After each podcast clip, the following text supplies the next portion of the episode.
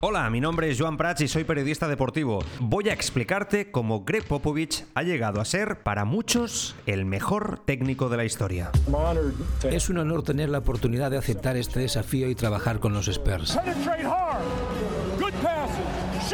Tuve la fortuna de caer en un lugar ideal, mágico. Con un entrenador que, que se, se, vio muy representado eh, por mí en la cancha. Yo si tuviera que pronunciarme, me quedaría con el equipo que ganó el anillo en 2014. Eh, aquel equipo con Ginobili, Parker.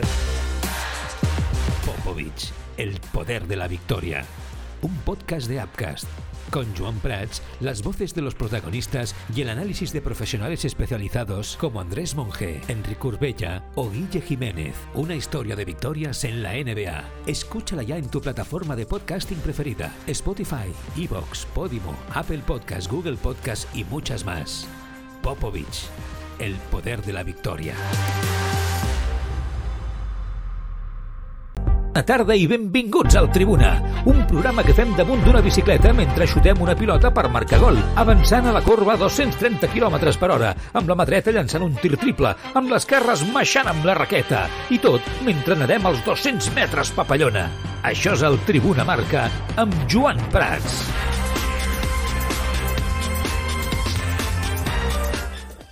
Què tal, com esteu? Molt bona tarda, benvinguts un dia més al Tribuna Marca. Sergi Roberto, un mes de baixa. Males notícies pel Futbol Club Barcelona, les proves a les que han estat, estat sotmès el futbolista. Aquest matí han confirmat les pitjors eh, previsions. Pateix una luxació a l'espatlla esquerra que el mantindrà fora dels terrenys de joc un mínim d'un mes. Això vol dir que no estarà disponible per Xavi fins a després del Mundial, el 31 de desembre. Una pena per un futbolista que està tenint molt mala sort amb les lesions i en un moment on tornava a agafar confiança i tornava a ser important per eh, l'equip. Sobre Gavi, tot sembla indicar que el cop a l'adductor ha quedat en res i podrà estar davant del Bayern de Múnich. Tot plegat el dia després de la convincent victòria del Futbol Club Barcelona per 4 gols a 0 davant l'Atlètic Club de Valverde, un Barça que torna a funcionar gràcies a les correccions tàctiques del seu entrenador, que s'ha centrat en reforçar especialment al mig del camp els últims partits, ahir fins i tot sortint amb quatre migcampistes més Sergi Roberto per tenir el control i el domini del joc fet, que va succeir o que no va succeir davant Inter o Madrid. Xavi donava aquesta explicació del partit en el dia d'ahir que saltarien a la pressió amb, amb Nico Williams i, i De Marcos, no? el nostre central i, i lateral, i després, en, entès que venint Pedri al mig, doncs teníem un home més, i que si ho enteníem, doncs eh, podíem sortir d'aquesta pressió alta. No?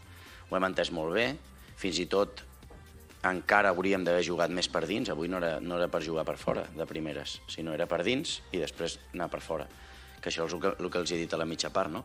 Però bé, tot i així ho hem entès molt bé, Bussi molt bé, Frenkie molt bé, Gavi respectant la posició, Pedri venint, i allà hem generat un home més, no? I aquesta era la meva idea que tenia al cap i crec que s'ha plasmat molt bé. Després ja, quan hem anat a Usman, doncs l'Usman ens ha marcat la diferència avui doncs, molt bé, no? El Robert ho entès molt bé, que s'havia d'anar al central allunyat perquè no pogués sortir a Pedri i allà teníem la superioritat, no? Sabíem que, que l'Ernesto i l'Atlètic doncs, ens apretarien alt i aquesta era una solució molt bona i crec que, que ho hem fet molt bé. Ho hem entès bé i ens ha sortit molt bé, la veritat. Xavi Hernández parlant després d'aquesta convincent victòria just abans de que dimecres el Barça s'enfronti al Bayern de Múnich. 7 i 2 minuts de la tarda hem de parlar del Barça, hem de parlar de Dembélé, ara parlava l'entrenador del Futbol Club Barcelona, Xavi Hernández, hem de parlar de molts noms propis del dia d'ahir, però hi ha molts més temes. Anem a saludar per començar el Carlos Rojas, que m'acompanya el dia d'avui. Carlos, què tal? Bona tarda, com estàs? ¿Qué tal? Buena tarde. ¿Todo bien? Todo bien. Y bueno, en Barcelona ya por fin, ¿no? Parece que el Barça ha despertado. Veremos si a tiempo, ¿eh? También en Champions.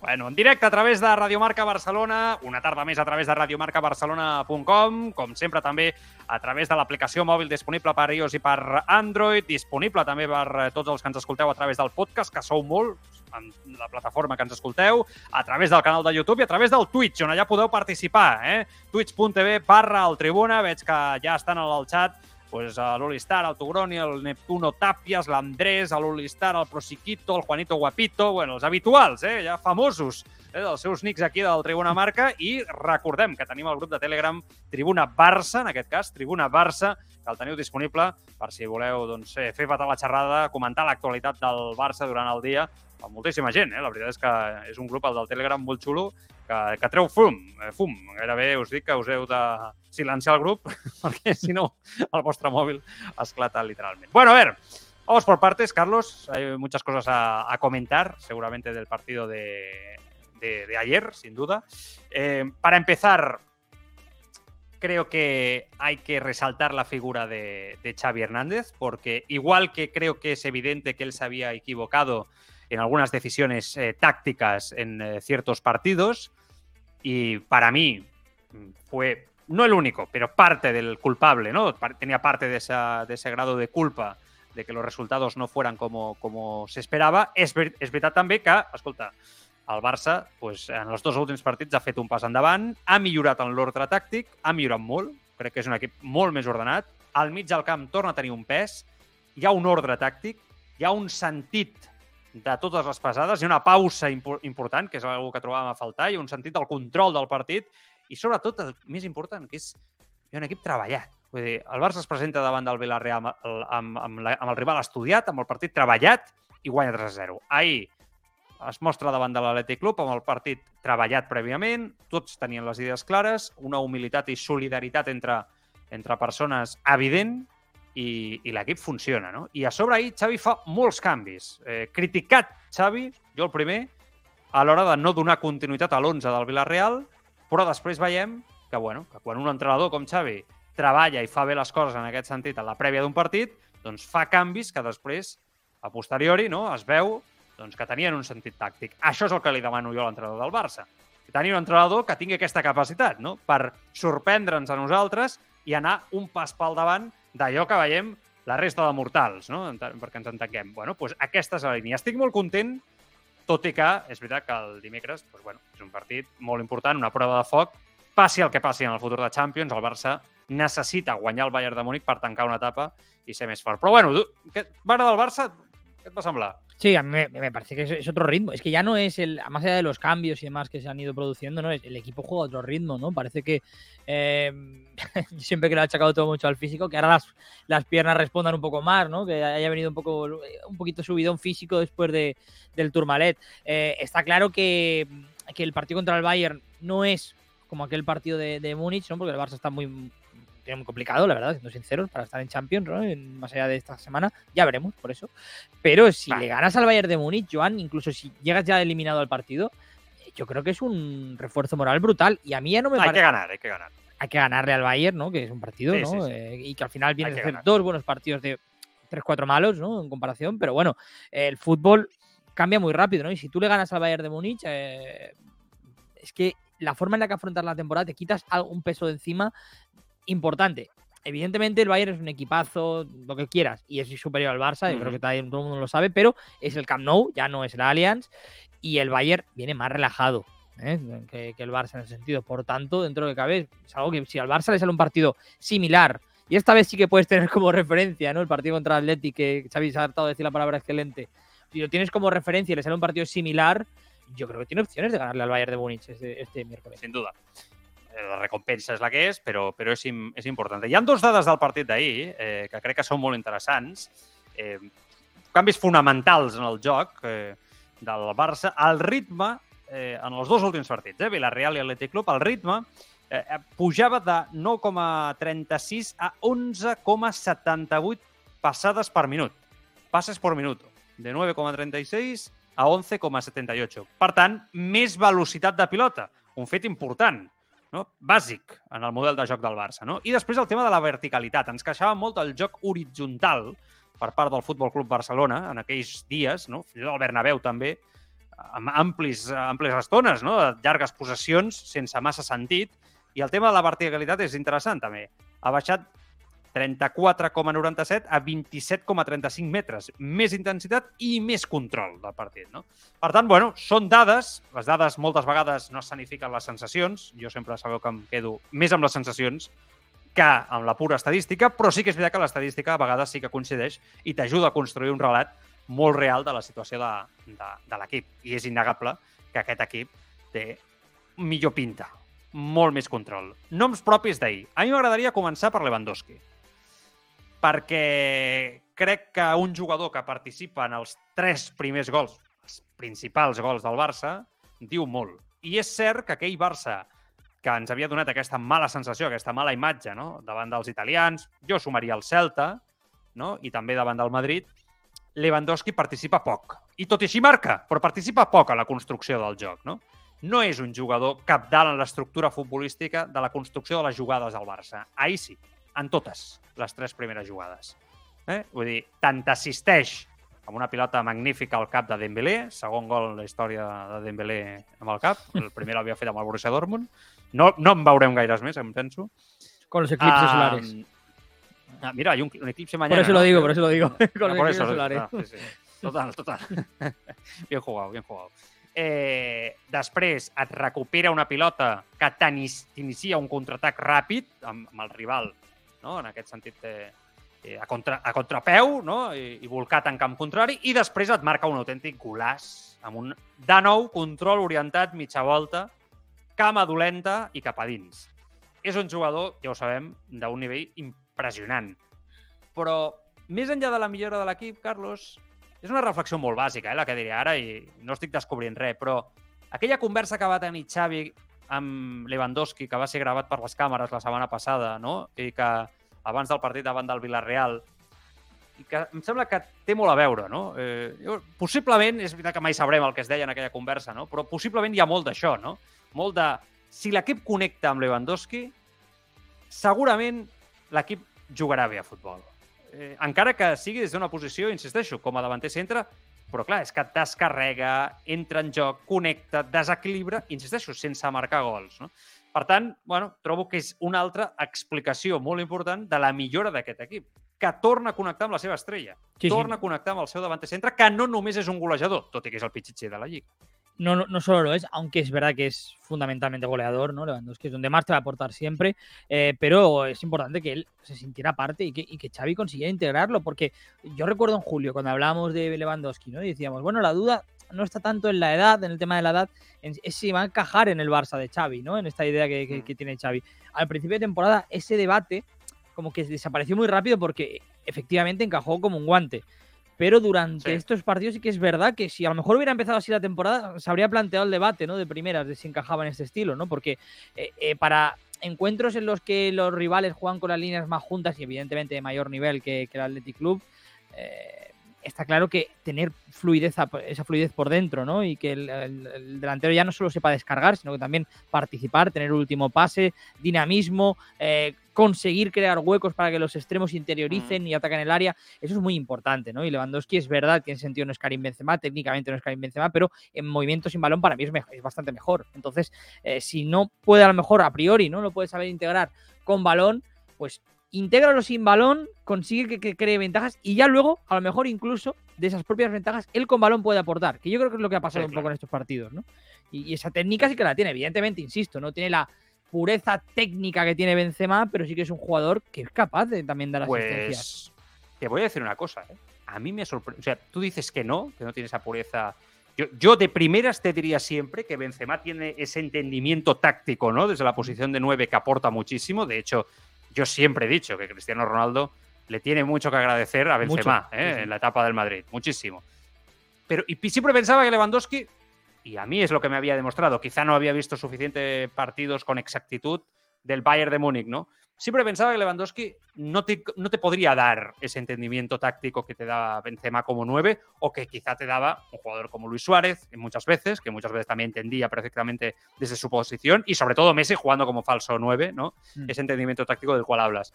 Pero sinceramente, yo lo que estoy viendo en este inicio de temporada de Lewandowski, vamos, es uno, se nota mucho que ha pasado por la mano de Guardiola, eso para empezar, porque desde el primer día entendió perfectamente que el 9 debe de aportar mucho más, pero yo te voy a decir que no está muy lejos de lo que estás hablando de Benzema, ¿eh? Ah, yo, yo hablo de las características del jugador, jugador, jugador no, no, no, son diferentes. Entendimiento, entendimiento de la posición de 9 no, no, para yo, más allá de ser un rematador. Claro, no, ¿eh? pero sí, sí, eh, exacto, no, no, yo, yo, a eso no me refería con es Benzema. Que... Yo hablaba de la, de la, de la finura técnica, concretamente, ¿no? No, pero, eso es diferente. Claro, por eso digo sí, que, que, que Lewandowski tiene un conocimiento de juego brutal. A mí siempre me ha parecido el mejor delantero de, del mundo también de espaldas, ¿no? La portería. Y, y, pero tú no estás sorprendido de que entienda tan bien el fútbol. Sí, porque tácticamente hablando en tan poco tiempo. O sea, es que yo creo que es una de las claves de este Barça de Xavi. ¿eh? sí que estoy sorprendido porque precisamente perfiles como Lewandowski, como el de Lewandowski, no han triunfado en el Barça por ser perfil muy concreto.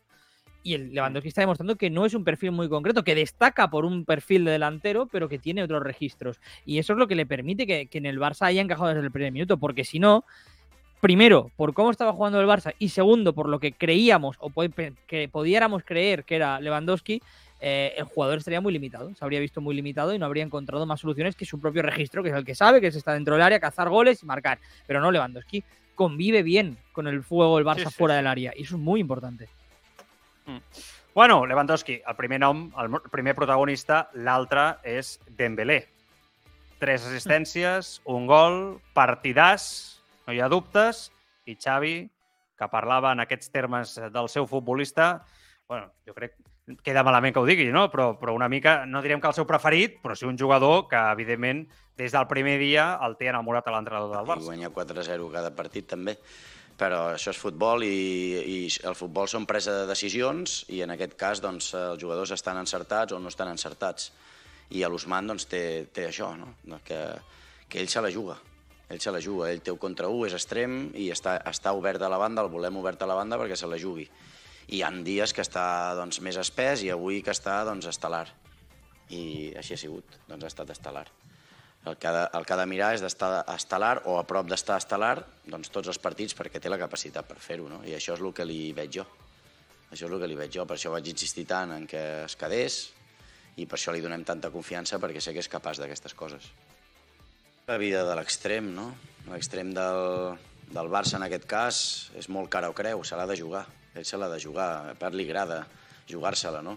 Però clar, quan te la jugues i et surt creu tres vegades, doncs més, més val que juguis fàcil, no? Això és el que li dic sempre, juga fàcil, no perdis, perquè hem de ser més responsables amb la pilota, moltes vegades quan perdem, o para't, para't perquè no, no t'acompanya ningú, no? És tan ràpid que moltes vegades ataca ell sol, potser amb el Robert contra 4 o 5, doncs és el que ha d'entendre i comprendre.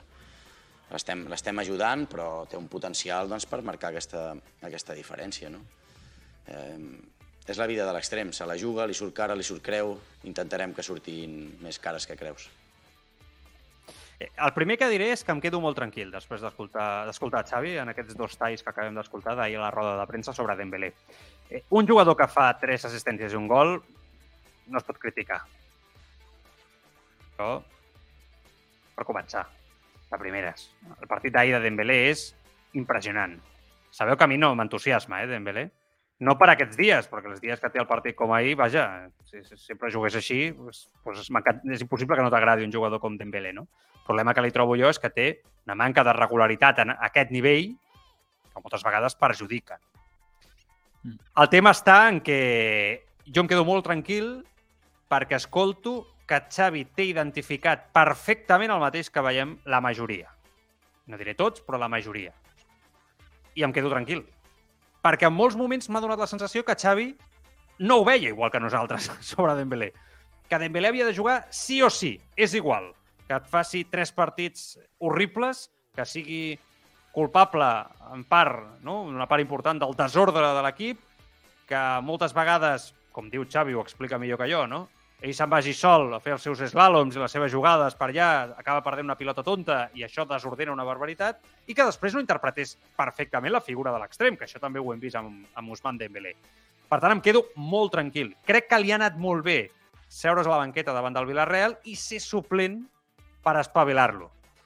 Clar, el tema, el gran repte, amb Dembélé està claríssim. És un debat que hem tingut, Carlos, 50.000 vegades. Mm. És que lo d'ahir, no avui, lo d'ahir, es tradueixi en una continuïtat. Vull dir, que el que ha fet davant de l'Atlètic Club, que és un partidàs, segurament per mi el millor nivell que ha mostrat Dembélé aquesta temporada, això sigui certament habitual. Vull dir, entén-me, eh? Evidentment, com tot jugador, dies millors i dies pitjors, però que no hi hagi tanta diferència entre el Dembélé bo i, i el Dembélé horrible, no? que t'acumula tres partits que, que no s'assemblen res, et desequilibra l'equip, et trenca, llavors tens aquesta sensació que dius ah, és que, que jugui Ferran Torres, que jugui l'altre, que jugui l'altre, perquè, perquè és que, tot i que el geni és molt geni, ens costa que surti cara, per tant no me la penso jugar. Bueno, jo crec que aquest és el gran repte de Xavi en Dembélé, però després d'escoltar-lo veig que té el problema, el problema identificat. ¿eh? Sí, sí, no, el problema... Eh, aquí el tema es, mira, fíjate, este, yo creo que este debate lo habremos tenido a principios de temporada, en septiembre, en abril, eh, incluso en noviembre, diciembre del año pasado, cuando hace aquel partidazo de Dembélé ante el Benfica. Eh, está clarísimo lo que es Usman Dembélé como futbolista, el, potencial que tiene, el techo. Xavi lo tiene clarísimo, por eso apuesta por él. La única diferencia entre Xavi y a lo mejor nosotros, no diría nosotros porque también tenemos una opinión un poco diferenciada de Dembélé, pero bueno, en general es que Xavi considera que es posible que Dembélé consiga rendir de esa forma sostenida en algún momento de su carrera. Ese es el reto. Ese es el reto, quiero decir, al final el partido es por el camino, por el camino te puede salir muy caro. Es lo único que. Digo. Efectivamente. Partidos como el de ayer a mí no me sorprenden. Evidentemente los aplaudo y, pienso que es impresionante. Claro, es capaz, ya lo sabemos. Aquí la cosa es: ¿va a ser capaz Dembélé de jugar igual contra el Bayern de Múnich este, este, este, miércoles y el fin de semana y el otro, que es un poco ¿no? lo que hace a un jugador, lo que pasa de ser un muy buen jugador, un jugador con un gran potencial, a ser una estrella, a ser una realidad. Y Xavi, yo creo que efectivamente estoy de acuerdo contigo, tiene diagnosticado el problema, pero es verdad que tiene un problema a la hora de encontrar la solución. O sea, él tiene muy claro qué, es lo que falla y lo que va bien, pero no consigue engranarlo. Eh, el partido de ayer se puede identificar o interpretar de dos formas. El primero, la primera, es un buen partido de Dembélé y ya está. El segundo, el inicio de algo grande. el segundo sería quizá... Tantas veces hemos pasado por esto, ¿no? yo, ya, yo, ya, no voy a comprar esta película. O sea, claro, hay que estar expectantes. Hay que, hay que ver, ¿no? Si, cómo, mm. cómo va esto y cómo evoluciona, pero vamos. Insisto, ojalá Dembélé jugara así siempre. Pero ya no, ya no, yo no le pido ¿eh? que, asista y marque todos los partidos, ya no eso, ¿eh? que desequilibre como desequilibrió, mm. desequilibrió, oh, desequilibró ayer y sobre todo que, que consiga ayudar al equipo con su función desde el extremo, ¿no? O sea, que, que, escoja bien cuándo hacer una cosa cuando, o cuando otra. Con eso, yo creo Para mí es, suficiente. Es que yo creo que tú has dado con la tecla. Si Dembélé escogiera bien, si supiera escoger, como tú dices. Ayer lo hizo, ayer escogió perfecto. Claro, es, que es, curioso. O sea, no le pedimos goles ni asistencias. Pero si Dembélé supiera escoger bien, supiera escoger bien, inevitablemente llegarían más goles y más asistencias. Porque claro, con, esa calidad, si tú le sumes esa calidad que tiene a saber escoger, a saber jugar, tienes lo que, lo que vemos ahora mismo en pantalla, un gol y tres asistencias. Y, y más jugadoras, jugadas que genera. Para mi, insisto, aún no compensa. O sigui, no, no. ahir bé, però jo insisteixo, a mi encara no em compensa per dir que ha de ser titular indiscutible pel davant d'altres jugadors com pot ser Fati, el pot Ferran Torres, etc. Per, insisteixo, tot el que dona eh, i el treu alhora el dia que el té dolent. El dia que el té dolent, això, el treu molt, eh? El treu molt. Eh, aquí hay un oyente que, que, que, que dice, Dembélé te quita más que te da, Uromi. És interessant aquesta reflexió. És molt interessant, perquè en quin punt estem amb Dembélé? Perquè després d'ahir és, nos da mucho, pero recordamos los últimos partidos que todos teníamos una sensación de que nos quitaba mucho, ¿verdad? Mm. Entonces, ¿qué nos da? Nos, ¿qué, ¿Cuál es el punto? ¿Nos quita o nos da mucho Dembélé? Bueno, pues ahí está. Él tiene la respuesta. Él, con su rendimiento, ¿no? Es el que precisamente tiene que, dar solución o no a, todo, a todo este debate que hay en torno a su figura de forma evidente, porque, es un jugador que realmente tiene, yo no recuerdo nada igual, ¿eh? o sea, detractores y fans aférrimos a su figura prácticamente a partes eh, iguales. Más protagonistas del partido de ayer, mm, el centro del campo, yo creo que hay un cambio claro en el momento que eh, Xavi Hernández apuesta por un centrocampista más, como es Gaby, y ahí, pues, eh, poblando más el centro del campo, busca tener más control y que no pase lo que ha pasado en otros partidos. El experimento, si se le puede llamar experimento, sale perfecto, perfecto.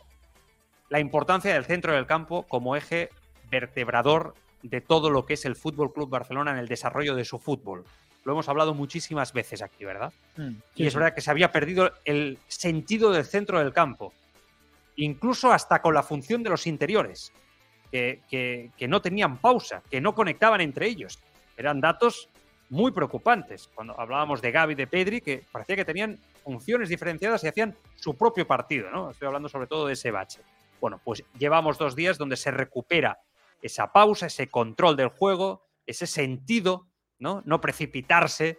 Creo que el Barça va en la buena, la buena línea y demuestra que este juego, este fútbol, este, llamarle ADN, estilo, cada uno le llame como quiera, sigue siendo un fútbol que se puede practicar hoy en día, pero se, se tiene que aplicar bien. El problema del Barça no es que su fútbol haya pasado de moda, el problema del Barça es que estaba aplicando mal las órdenes tácticas, que el equipo estaba desordenado y que yo creo que su entrenador se había equivocado claramente en esos partidos con la aplicación de, de sus indicaciones. A partir de aquí, bueno, pues crec que en partits com el d'ahir, on precisament jo crec que s'imaginava un partit molt per dins, no? com ha explicat Xavi, amb molta possessió, reforça al mig del camp, allò que feia Guardiola allà, posant Iniesta com a fals extrema esquerra i sortia amb quatre, amb quatre migcampistes i, sobretot, a Busquets, molt criticat a les últimes setmanes, Xavi el torna a posar per tot el que li dona quan el Barça té la possessió, s'imagina un partit amb molta possessió, Busquets està molt bé, però per què? El cantó de Jong, que el corregeix. En tot allò on Busquets no arriba, De Jong el corregeix. I allà no es veuen tant les carències de Sergio Busquets. Quina conclusió tenim? Un Barça amb les idees molt més clares. Jo no sé, ahir estava, vaig estar a Esport 3 eh, durant el partit, eh, amb el Víctor Patzi i companyia, i, i el Víctor deia que el, durant el partit deia que el Barça eh, potser estava davant del 11 de gala per aquest control del joc que estaven veient, per com estava jugant, etc possiblement Xavi ahir se sentís, Carlos, molt a gust amb la funció del mig del camp i el control que tenia del joc. Eh? Sí, sí, es que eh, eh, es un poco, todo, ah, te estaba escuchando y, y, pensaba en una palabra, equilibrio. Al final, lo que mm. Busquets eh, le falta, De Jong te lo da, lo que a De Jong le puede faltar, Busquets puede darlo, ¿no? Eh, puede permitir que, que, el jugador uno complementa al otro.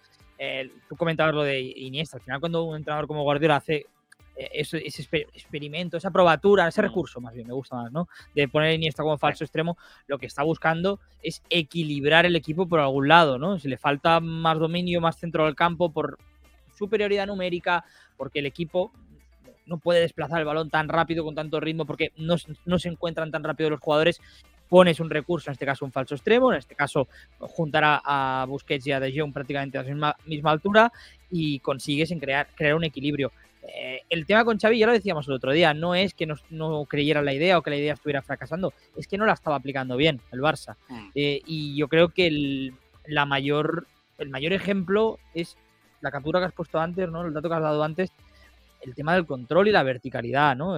Que, que el Barça claro. dé más pases y que sean más horizontales eh, no significa que el equipo esté especulando más con el balón. No. Es una interpretación, pero no, pero no es todo. Interpreta que, mejor el juego. Exacto, se siente más cómodo y que, y que le da otra velocidad al juego con mucho más ritmo, porque el balón circula. Es curioso, porque circula más horizontal, pero más rápido el balón, ¿no? claro. Es una forma porque, de, de, llegar. Porque hay que acelerar cuando hay que hacerlo, eh, no en todo exacto. momento, no hay que precipitarse. Eso és el juego del Barça, no? Mira, a, a, a la imatge, els que esteu escoltant el programa per la ràdio no, però els que esteu, ho estem veient per, els que esteu veient per Twitch i per YouTube, YouTube com estic avui, twitch.tv barra el Tribuna, eh, hem posat el mapa de, de calor no? del, de, del mig del camp del Barça, vale? perquè ens fem una idea que no, és un, no era un mig del camp amb quatre homes en línia, eh? segurament un doble pivot, amb un 4-2-3-1, més proper a això no que una altra cosa. Però bueno, perquè ens entenguéssim, no? Eh, perquè la banda esquerra quedava tota lliure per Valde, estem tots d'acord, i amb recorregut i metres, i que a més Valde, ara en parlarem, ho va fer de conya de nou, no? Però el, el, quin, quin dibuix en surt, Carlos, amb el mapa de calor?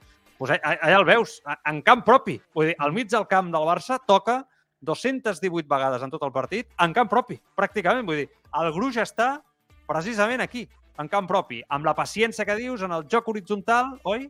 Mm. I, i en buscar eh, tenir el control del partit, on et sents còmode. Pues això és el Barça, això és el que se li demana, no? Hem seleccionat a Pedri, a Busquets, a Gavi i a, i a De Jong. No m'estic inventant res. És, és una obvietat que, que dibuixa el propi, el propi mapa de calor, no? Que, bueno, que amb aquesta, a vegades no és molt significatiu, però en aquest cas sí que ho és, no? No, no, sí, sí, sin ninguna duda. Es que es a la altura a la que juega el Barça y además te, te claro, digo más. Eh, sin riesgo. sin riesgo, exacto, en una zona de, de, menos riesgo, pero fíjate todo el campo que hay por delante, ¿no? Es decir, cuando activa claro. el pase, ¿no? En, la, en, las bandas se ve un poco más la mancha, sobre todo por la derecha, ¿no? Porque también Sergio Roberto ahí le da más apoyo, eh, pero se Mira, ve hacia dónde va el juego luego, ¿no? Dembélé. Ara t'he seleccionat a Dembélé, es veu línia tres quarts, banda muy abierto? Muy abierto. Muy abierto, claro. Y en cambio Valde, ya verás, toda la banda izquierda, ¿eh? haciendo daño en defensa eh, y arriba todo el recorrido, no? que, que en este caso Sergi Roberto es pot dir que al final molt enganxat a banda, no? Eh, però més endarrerit en, en aquest sentit. Bueno, en qualsevol cas que Sergi Roberto, que és una pena que s'hagi lesionat, ho hem dit a l'inici del programa, un jugador que et dona moltíssim quan vol sumar migcampisme. Y para estos partidos, ¿no? también te digo. Claro, ya que luego claro, defensivamente no, contra un Bayern, yo creo que no lo... Sufre mucho. Yo, yo, es que sería un debate interesante si no se hubiera lesionado, ¿no? Si Sergio Roberto debería jugar contra el Bayern. No, yo creo que no. Yo creo que no. Igual que contra el Madrid no era el día tampoco que jugara para mí, bajo mi punto de vista. Lo que pasa es que Xavi le gusta tanto, ¿no? Sergio Roberto, por el, lo que te aporta como quinto centrocampista o cuarto centrocampista, que yo creo que él se imagina más un partido con posesión, ¿no? Que sufriendo, perdiendo el control del partido y aplicándolo mal. Eh, acomiadem els oients de la FM, nosaltres seguim fent programa, encara queda molt pel, pel davant, eh, a través de radiomarcabarcelona.com, l'aplicació mòbil, twitch.tv barra el tribuna, YouTube, eh, i aquí us quedeu amb el, amb el Merlos. Vinga, va, seguim.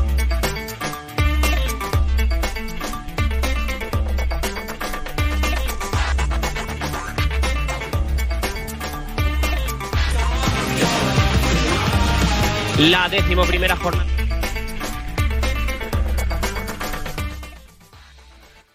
Vale, va, pues aquí seguim. Eh, fent el tribuna, ¿todo bien, Carlos? ¿Todo ok? ¿Todo, Todo, controlado? ok, todo, con- todo correcto. Venga, todo correcto, diria aquell. Bueno, eh, Valde, impressionante. O sigui, un pot dir que després del partit de Jordi Alba, no ens enganyem, davant del Villarreal, Jordi Alba mereixia segurament seguir jugant. I és cert que també és, una, és un fet i és una sensació que tinc també amb Ansu. Amb Ansu també tinc la sensació que era injust que no seguís eh, jugant de titular, no? Eh, bueno, pues Xavi diu, Valde. Jo entenc que té molt a veure amb com entrena el nano i l'estat de gràcia de forma que té el futbolista en aquests, eh, en aquests moments. Ahir va fer un partidàs. Et dona moltíssim en ordre defensiu. Corregeix molt millor que qualsevol lateral esquerre d'aquest equip. Per mi, pel davant de Marcos Alonso i de Jordi Alba, per suposat. Però és que en atac, pràcticament diria que està a l'altura de Jordi Alba. Sí. Xavi Eh, Hernández.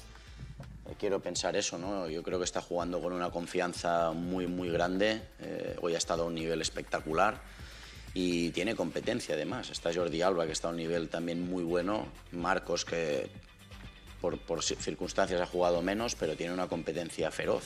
Pero yo creo que esto es bueno, ¿no? Se nutren, en este caso, los tres eh, laterales izquierdos de la, de la plantilla y hoy especialmente Valde ha estado a un nivel espectacular, ¿no? tanto en defensa como, como en ataque. ¿no? Tiene un potencial tremendo físico, técnico, no pierde balón. Bueno, está a un nivel brutal ¿no? y jovencísimo además. Así que sí, sí, tenemos un, un futbolista de presente y de, y de futuro.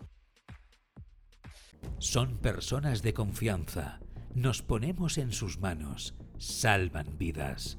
Pero a veces, algunos de ellos son asesinos. Upcast y el podcast Crímenes Ibéricos presentan el nuevo True Crime, Médicos Asesinos. Historias reales de profesionales de la medicina que se han convertido en criminales por voluntad o negligencia. Médicos Asesinos. Escúchalo ya en tu plataforma de podcasting preferida. Sí, sí. eh, y vamos a ver, ¿eh? Porque si este chaval sigue jugando a este nivel, ya sé que lo de la selección, Luis Enrique, sus jugadores, sus laterales. A mí me cuesta pensar que un Jordi Alba intermitente con el Barça, Carlos, un Marcos Alonso intermitente con el Barça, Gallá, que por todo lo que ha pasado en los últimos tiempos, ¿no? no sé, que pasen por delante de un jugador que está ahora mismo en su momento, o sea, un chaval muy joven, es verdad, ¿eh? muy jovencito, pero es que se, es que se ve, es, es- es la misma sensación que con Gavi o con Pedri en su momento, con Ansu Fati cuando explotan, ¿no? Que dices, es que este chaval hay que ponerlo, este chaval tiene que jugar, porque es que, es que se ve que va ahora mismo a otra, a otra marcha, que está en su gran momento, ¿no? Que, que es, que es una pasada, de verdad. Sí, sí, totalmente de acuerdo. Eh, eh, yo, Pues, ¿Le ves opciones de ir al Mundial o no? mm, yo creo que no, no va a ir porque. eh, Luis- Porque no juega regularmente. Exacto, ¿no? Eh, no, bueno, no, no juega regularmente con, porque Luis Enrique no le ha llamado antes.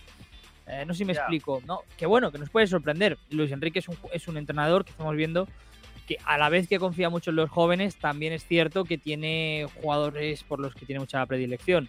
Yo creo que para el Mundial me cuesta creer que vaya de repente llamar a un jugador que no ha visto, que no ha tenido integrado en un grupo, ¿no? No lo haya probado, aunque si considera que, ¿no? que tiene una plaza disponible para poder traerlo y puede ser que cuente con él. Pero vamos, yo creo que está claro que Valdés, si sigue a este nivel, las puertas de la selección están abiertísimas, al menos después del Mundial, seguro.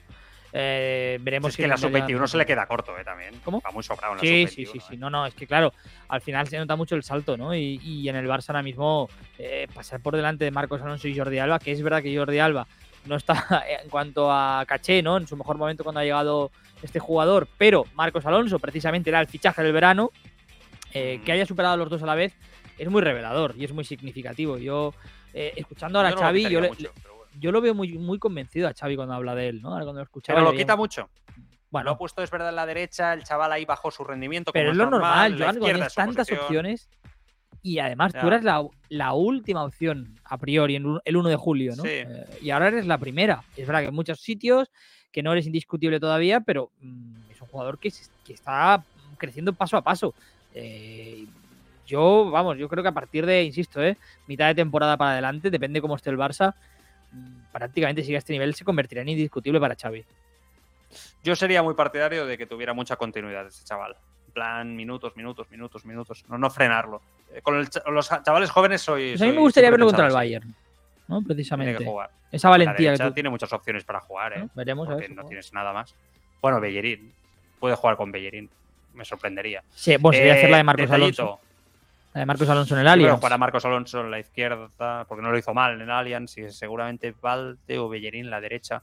Aunque no descartes que juegue Cundé. Eso estaba pensando yo. En la derecha. Pero claro, los centrales. Sería un poco. vamos a ver a quién recupera, pero. Sería un poco la sensación. A García y a Piqué, pero. que no va a jugar. No, no. Creo, vamos, creo, ¿eh? mañana, mañana especulamos sobre esto. Detallito de, de Lewandowski gritando el himno.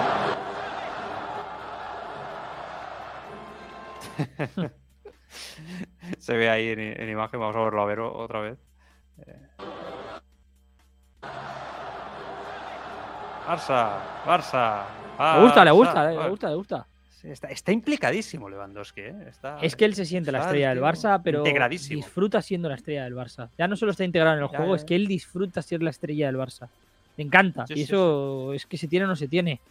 Eh, la, presión que hemos dicho tantas veces que es feroz Barcelona, hay jugadores que no solo la mantienen, sino que la disfrutan. ¿no? Y Lewandowski la disfruta. Yo creo que él disfruta. El día del Inter, eh, que, te marca el Inter 1-2, sale a morder, ¿no? Y marca el empate. Yo creo que él disfruta es un líder, esos momentos. También la edad te da eso, ¿no? También la edad te da ya ese punto, ¿no? De madurez donde haberlo ganado todo también. todas estas cosas sin que te, te superen, ¿no?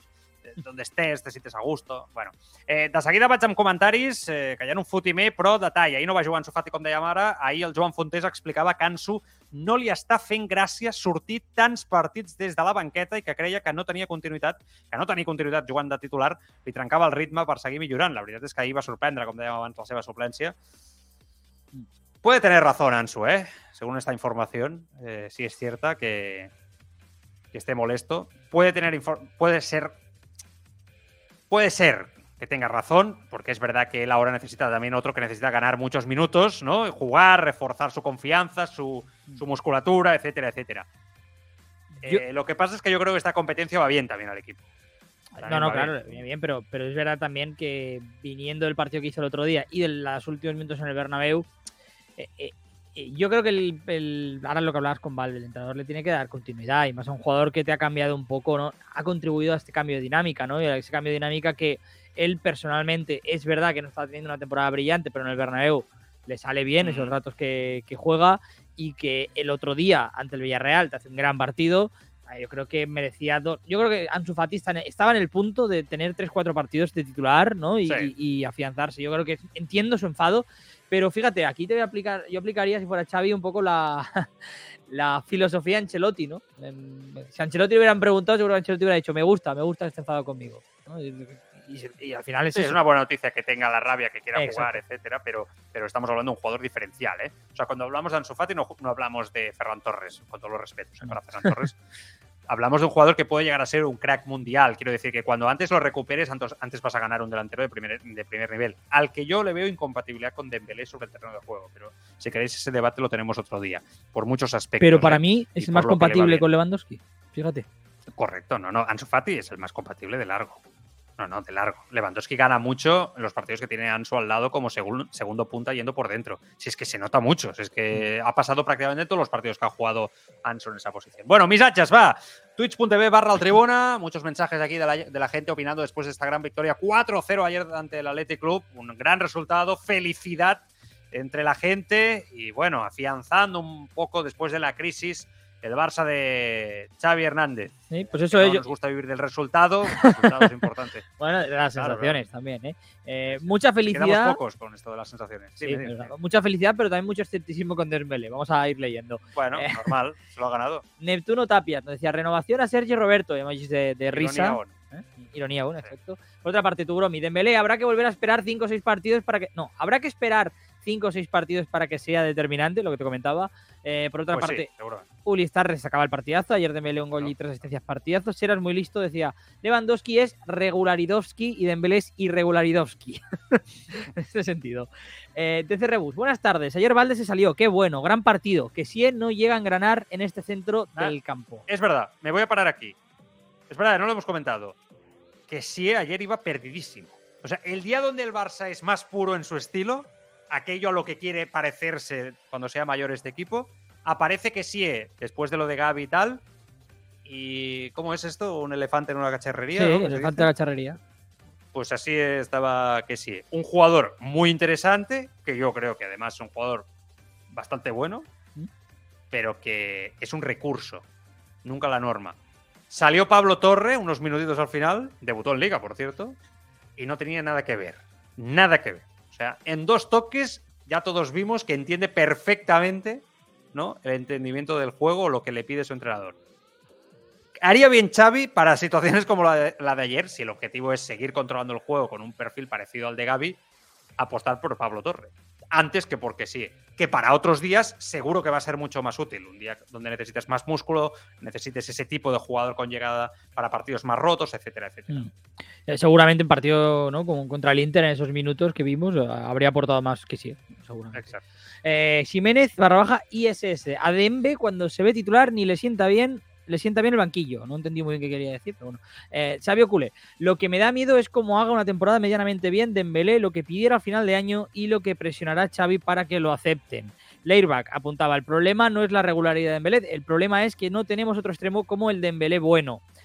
Para la 777 apuntaba en un mensaje dividido en dos. El problema está en necesitar estar en el abismo para meterle mano al equipo y cambiar cosas. Y espero que por un partido no nos comamos otra vez de titulares a la momia y al coladero Alba. Y por último, Cals, 80 dice, mismo tándem que el Busquets, Marchavi, Alonso, el franquia John Busquets.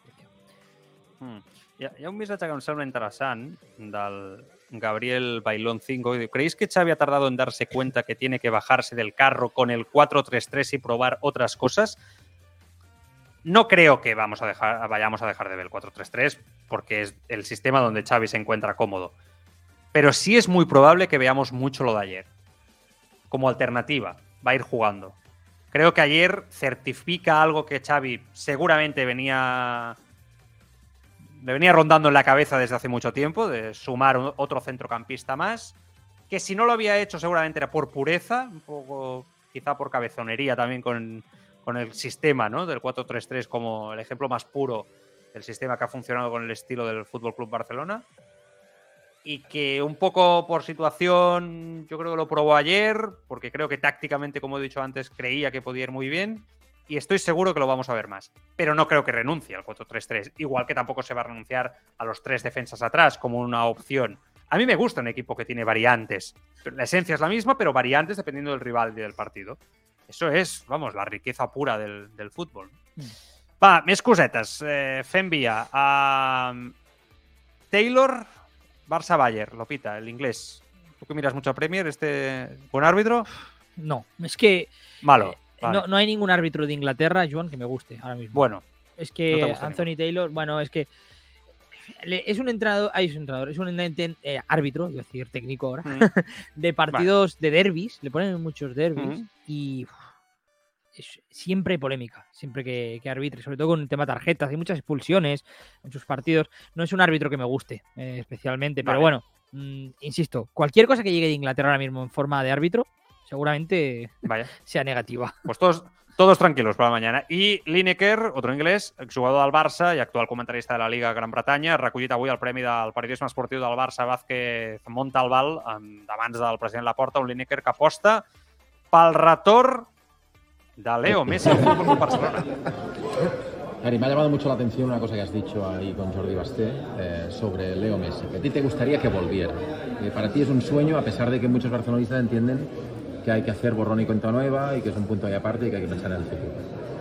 Y sería muy especial ver Leo otra vez más en, el Camp Nou, um, porque fue la manera de salir este club fue muy triste, no solo para él, pero para todos los aficionados y el, club también. Yo creo que Leo es, es, es no, si no más importante para este, este club um, como sí, está que nadie. Um, y fue triste, yo no sé si es posible um, o no, pero a mí me gustaría porque soy al final, fan de, de, Messi. Bueno, eh, Lineker, que se ha llevado este, este premio. Eh,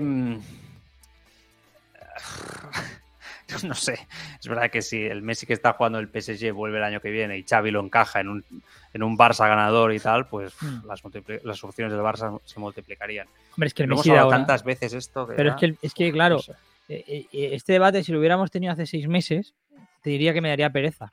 Pero es que el Messi que está jugando esta temporada en el PSG, el gol que mete esta semana, no este fin de semana. Es nivel alto. Es que ahora mismo Messi, claro, ya dábamos por hecho que había bajado, ya como que nos habíamos olvidado de él, pero Messi está otra vez entre los cinco o tres mejores del mundo. Es que se da un, salto brutal ahora mismo en la plantilla. Sí, sí, lo que pasa es que quiero verlo después del Mundial, a ver si mantiene. No, este no, claro, claro. Entonces, ese debate quizá va a tener ahí mucho. Yo, yo, creo que ese debate va a estar y que hay muchas posibilidades de que, de que Messi venga al Barça el año que viene, pero hay que medir muy bien, a ver cómo el Barça acaba la temporada, que no perjudique en nada su retorno, porque puede frenar la progresión del equipo en muchos aspectos y, puede centrar las miradas de una, de una, manera que puede salir bien, pero también puede salir mal, ¿no? Entonces hay que, hay que centrar muy bien ahí el, el, tema.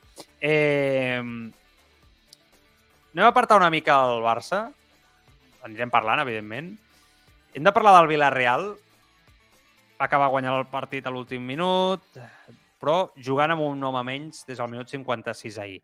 Eh, perquè Àlex Baena va ser expulsat després de marcar el gol de l'empat contra l'Almeria per mostrar una samarreta en record del vicepresident i artífax de l'auge contemporani del Club Uruguet, el José Manuel Llaneza, que va morir el dijous eh, passat. De Burgos Bengochea li va assenyalar la segona targeta per passar-se eh, passar la samarreta per sobre del cap i expulsat. No? Eh, hi ha hagut molt debat entorn a això, molt. I jo, bueno, a Twitter vaig fer un comentari que no sé que algú també li va molestar. Eh, doncs, vale. Ja no dic d'oients, eh? dic d'algú de l'entorn així de, del futbol. Em sembla molt bé. Jo expreso aquí el meu punt de vista, que és on, on l'hem d'expressar, sempre davant dels micròfons. Um, més enllà de, de l'escalfada de Twitter, no? que és, jo, jo crec que ens escalfem ràpid tots allà, no? A mi em sembla una autèntica vergonya expulsar un jugador per eh, que tingui un detall amb una persona que ha mort. Eh, murió esta el jueves, como digo, ¿no? Y tuvo un detalle el futbolista, bonito, etcétera, más allá de lo que diga la norma. Si la ley está mal hecha, cuando, cuando hay alguien que aplica un momento donde tiene un detalle, hay que saber ser laxo ante la ley que está mal hecha para mí. Porque una ley que es o que decanta o que se inclina por todo tipo de situaciones iguales, sea cual sea el mensaje, para mí, para el mensaje en la, camiseta, para mí está mal hecho. Y una ley que rompe la sensibilidad de lo bueno que tiene el fútbol, que es precisamente este, este tipo de detalles. El fútbol es bonito a veces por esto. Ya está muy manchado en base a todas las leyes, federaciones, la liga, todo lo que comportan, ¿no? La burocracia, el reglamento, la gente que se mueve en los ámbitos institucionales. Pues bueno, pues precisamente para mí fue un detalle muy feo y que dice muy, muy poco, seguramente, del fútbol español. Eh, me parece una auténtica vergüenza. Y no me vale aquello, no, la ley para todos y tal. No, la ley para todos no, porque tú puedes enseñar la tarjeta, pero cuando el jugador, si no has visto el mensaje. No, porque había gente que me decía, no, pero ¿qué tiene que el árbitro? ¿Leer el mensajito? No, no, no. Tú lo, lo expulsas y cuando te dicen, no, es que es por lo de llaneza y tal, es un poco laxo, haces la vista gorda, entiendes las circunstancias y seguramente nadie te va a decir nada porque las leyes están para cumplirlas, pero cuando tienen un sentido de sí y no perjudican, en este caso, la imagen del deporte que todos amamos, y lo mismo serviría un poco para la, la vida. Creo que, no sé, falta cintura. Es que el fútbol español da penita, Carlos, por estas cosas. Es mi opinión, ¿eh? Y respeto otro punto de vista más de la ley se tiene que cumplir. Sí, sí, punto, la ley, punto. Vale, ok, no es mi punto de vista para, para vivir en general, pero entiendo que haya gente que se quiere regir, regirse solo por las normas, la norma está, y, al paredón, al paredón. bueno, yo no soy así, pero cada uno. No. a mí me parece que da penita. Situaciones con la DER a mí me dan pena, sinceramente. Porque además Aneza era un buen tío, muy querido en el fútbol español, seguramente también con muy buena relación con los propios colegiados.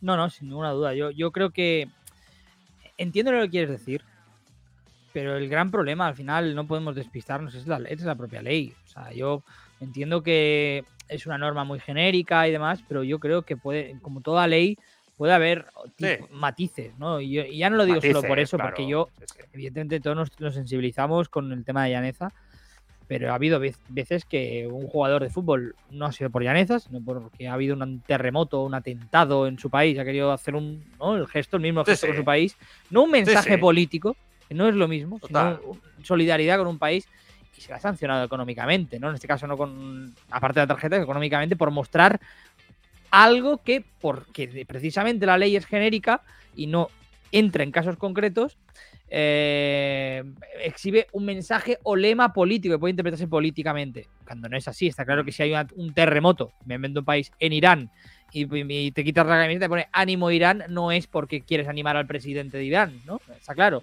Pero bueno, eh, es una más, ¿no? Yo creo que la, que la, que la propia competición en este sentido no facilita el trabajo a los árbitros. A partir de aquí, de Burgos Bengoechea se podría haber ahorrado lo que tú comentas, ¿eh? el, tema del... A mí me hubiera demostrado mucha personalidad por parte totalmente de acuerdo, totalmente de acuerdo, pero también entiendo que al final él haya sido pragmático para no complicarse la vida de cara a quien le paga, en este caso, que es el CTA.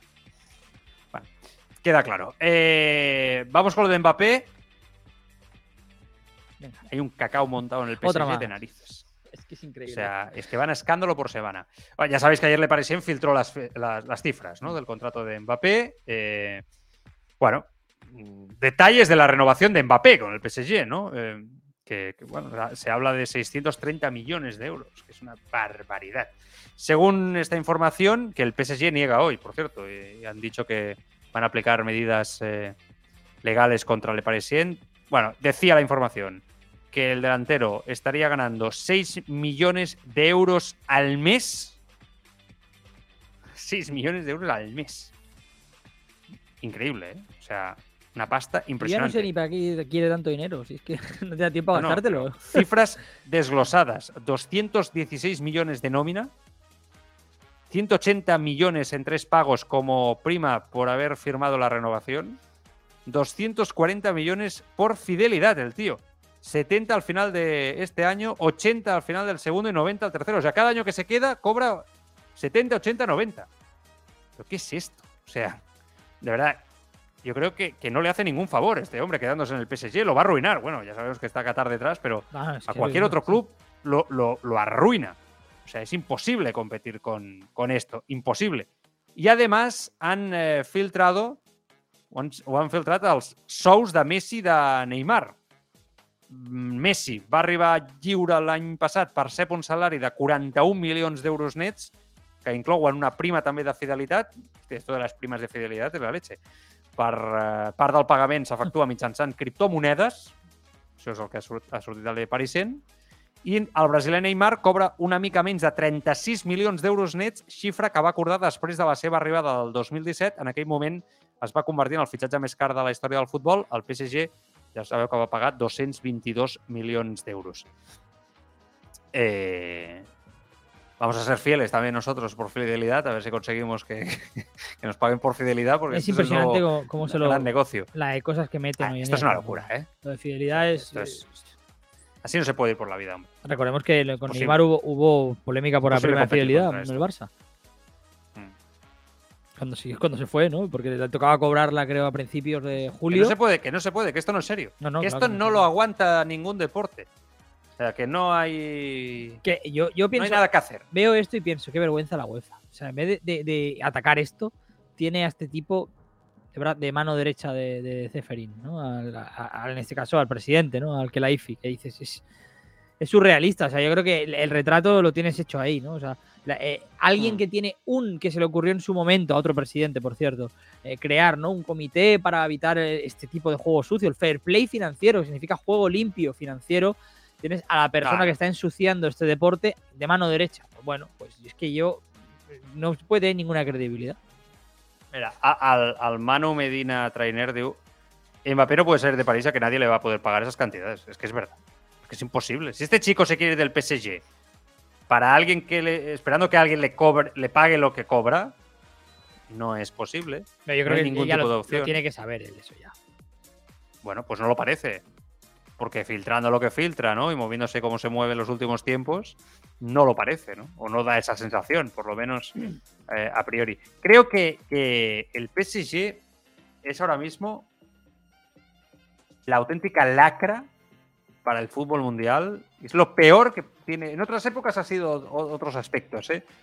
Hoy en día, para mí, lo peor que tiene el fútbol es el Paris Saint-Germain y todo lo que representa Qatar para el fútbol. Qatar, sí, es lo que te iba a decir. Incluyo ahí todo el tema del Mundial. Lo extiendo a Qatar, sí, porque es que además el Paris Saint-Germain, se ha dado la circunstancia que coincide 2022, que es la mayor lacra de la historia del fútbol mundial, ¿no? Que se va a hacer, con el auge o el, o el pic, en este caso, de, del PSG. El PSG lleva tiempo siendo un problema para el fútbol, pero ya más que nunca es este año.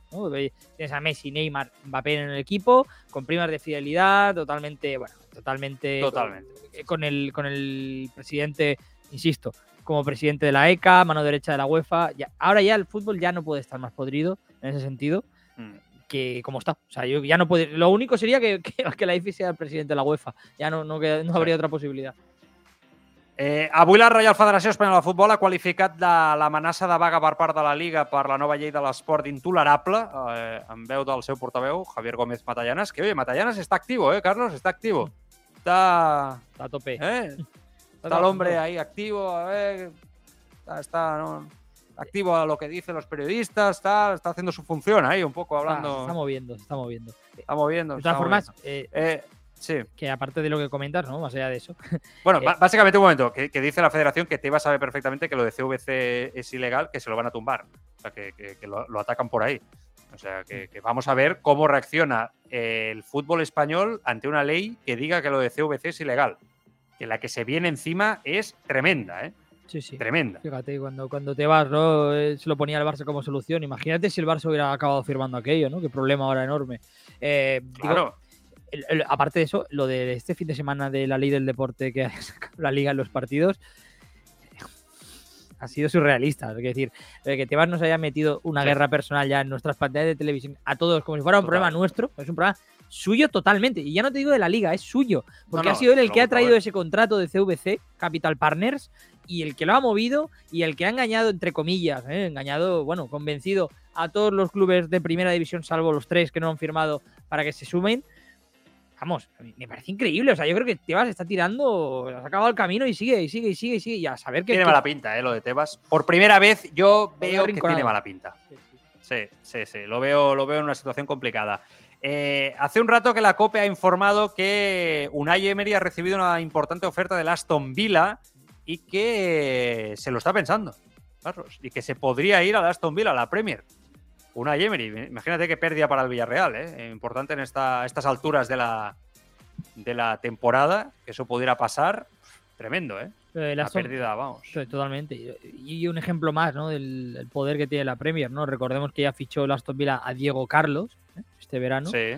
Eh, y que si quita a Emery, estás, quitándole siendo el Aston Villa, con todo el respeto que nos merece Aston Villa, eh, pues en un equipo que, le está quitando a jugadores, a equipos champions, jugadores importantes y al entrenador, ¿no? No es un equipo que está luchando por el descenso, ¿no? Aston Villa.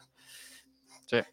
Pepe Castro ha dimitido como miembro de la Junta Directiva de la Real Federación Española de Fútbol. No sé si tiene algo que ver con, con todo esto, pero eh, dice que reprocha a Rubiales que haya faltado el respeto al Sevilla, a su afición. Este Pepe Castro también es otro personaje importante, el presidente del Sevilla, Sí. pero bueno, creo que él también tiene los días contados. ¿Recuerdas Vamos a cuando ver se- cómo acaba todo se aquello. picó con Rubiales en, la, en las radios Sí, por sí. lo de Tanker?